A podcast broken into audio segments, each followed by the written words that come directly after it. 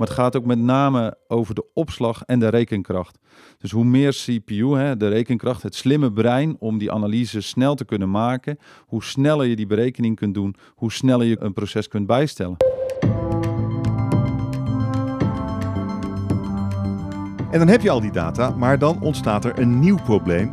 Je moet het bewaren. Hoe doe je dat handig en veilig? Zowel in de cloud als in de edge. Tegenwoordig zien wij een enorme groei in uh, de edge. Waarom? We hebben, het, we, we, we, we hebben het over heel veel data. Leg me even uit wat edge is.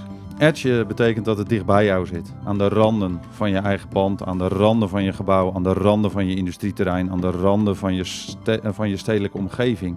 Daar verzamel je de data van jouw stad, van jouw proces, van jouw gebouw. De, de, de, data over heel de wereld pompen om daarna te zeggen dat je dat gebouw op afstand kunt bedienen, kun je beter lokaal houden. En dat betekent dat je de data stoort in de edge. Die kun je eventueel als een backup nog in de cloud zetten. Geef mij eens wat voorbeelden, alsjeblieft. Nou, waar ik uh, heel erg in, uh, in geloof is als je naar uh, data kijkt, hè, bijvoorbeeld van een brug, dan zit die data nu nog in allerlei silootjes. Hè. Wij verzamelen zelf data, hè, dat is een silo. Je hebt het silootje van de, de leverancier van de pomp, die zijn eigen data heeft. En waar ik heel erg in geloof, is dat je al die data hè, van zo'n brug of een gebouw op één plek bij elkaar gaat, gaat brengen. Hè, waardoor er een soort digitale kopie ontstaat hè, in de cloud, uh, in een veilige omgeving van je gebouw of je brug of de asset die je beheert. waarom is dat dan handig? Nou, dat is van belang omdat hoe meer data wij verzamelen van verschillende objecten, des te beter kunnen wij analyseren binnen alle projecten die lopen dat een bepaalde component van een bepaalde leverancier altijd uitvalt in dat gebouw, dan zal die waarschijnlijk ook in dat andere gebouw wel gaan uitvallen. Waarom zitten, zitten al die silootjes dan nog steeds los van elkaar? Uh, fix dat even dan. Nou, dat is, is dat is een model. Hè? Dat is uh, ook weer een financieel mooi model van uh, alle product, productleveranciers die uiteraard allemaal hun eigen data willen verzamelen. En wij als systeemintegrator zeggen, ja, dat is leuk dat jullie dat willen. Jullie mogen ook de data verzamelen, maar wij leggen daar een, een systems of systems, een SOS-systeem, een help-systeem overheen met een paraplu-functie. Zodat je dus in staat bent om al die data te ontvangen en daar uh, analyses op te gaan doen. En daar je advies weer op kunt uitbrengen. Oh, dus je ja, kunt, Gerard, je kunt al die silootjes, kun je, die kun je al met elkaar verbinden. Die kan je met elkaar uh, verbinden, maar wat er wel nog nodig is, hè, is dat er uh, afspraken worden gemaakt met uh, leveranciers om die data dan ook echt ter beschikking te stellen. Wat is daar een probleem nu? Ja, zeker. vaak probleem. zijn het gesloten silootjes. Houd, ah. Houden leveranciers van pompen en liften de data voor, zich, voor zichzelf. en wat wij moeten afdwingen, ik denk samen met onze opdrachtgevers, is dat die data uh, beschikbaar worden gemaakt. In een open format, dus niet alleen ja. gemiddeldes, maar echt de ruwe data. Ja, dat lijkt me ook. En, maar dat gebeurt niet, want verdienmodel... Nou, het gebeurt wel, maar het kan beter. Hoe krijg je dat open? Nou, dat door het gesprek aan te gaan en het ecosysteem met de partners en leveranciers uh, samen met een SPI te verbinden.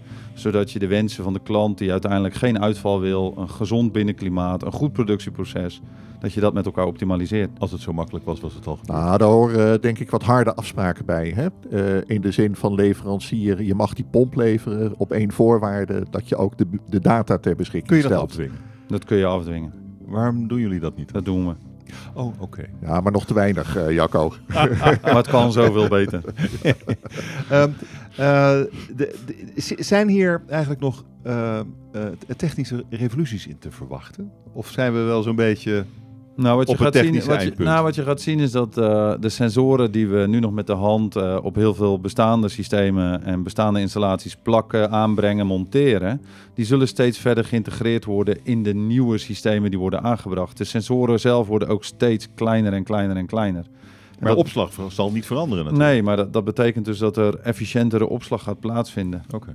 En dat kan, dat, vroeger had je de harde schijf. Hè. We kennen allemaal de oude floppies. Daar kon een paar kilobyte op. Tegenwoordig gaan de terabytes op, uh, op een uh, heel klein USB-stickje. Nou, die manier van uh, dataopslag gaat nog verder veranderen.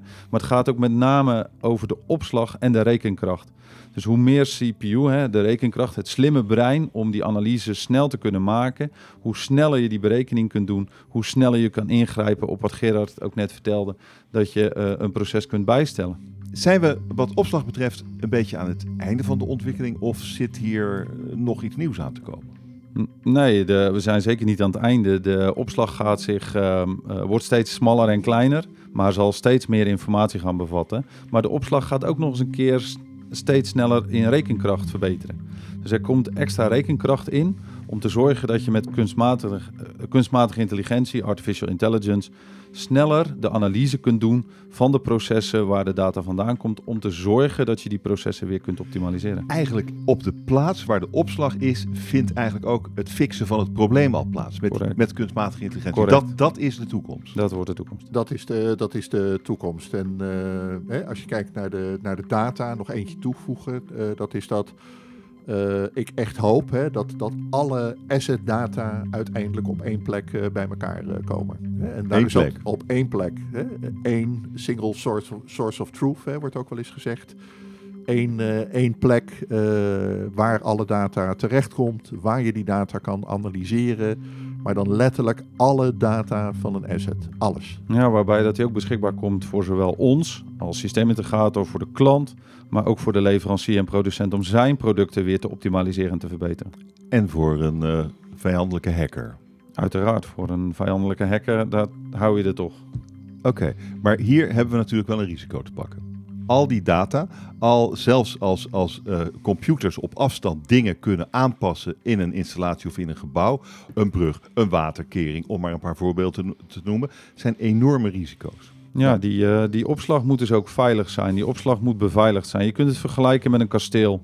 Het kasteel heeft een aantal grachten om zich heen, waardoor dat het moeilijk is om het kasteel te bereiken. En zo is het ook met de data. Op het moment dat jij meerdere schillen om de data heen legt, waardoor dat de inbreker, degene die jouw data wil ontvreemden en moeilijker bij kan, dan eh, wordt jouw data veiliger.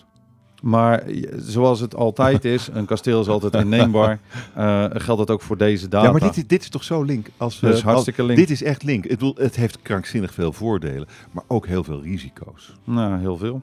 Eh, maar goed, eh, het is met iedere eh, data source. Op het moment dat de data open is en toegankelijk, is het sowieso een heel groot risico. Dan heb je, heb je helemaal last van inbrekers. Op het moment dat jij de data zult gaan beveiligen, zul je ook gaan toezien als een soort poortwachter.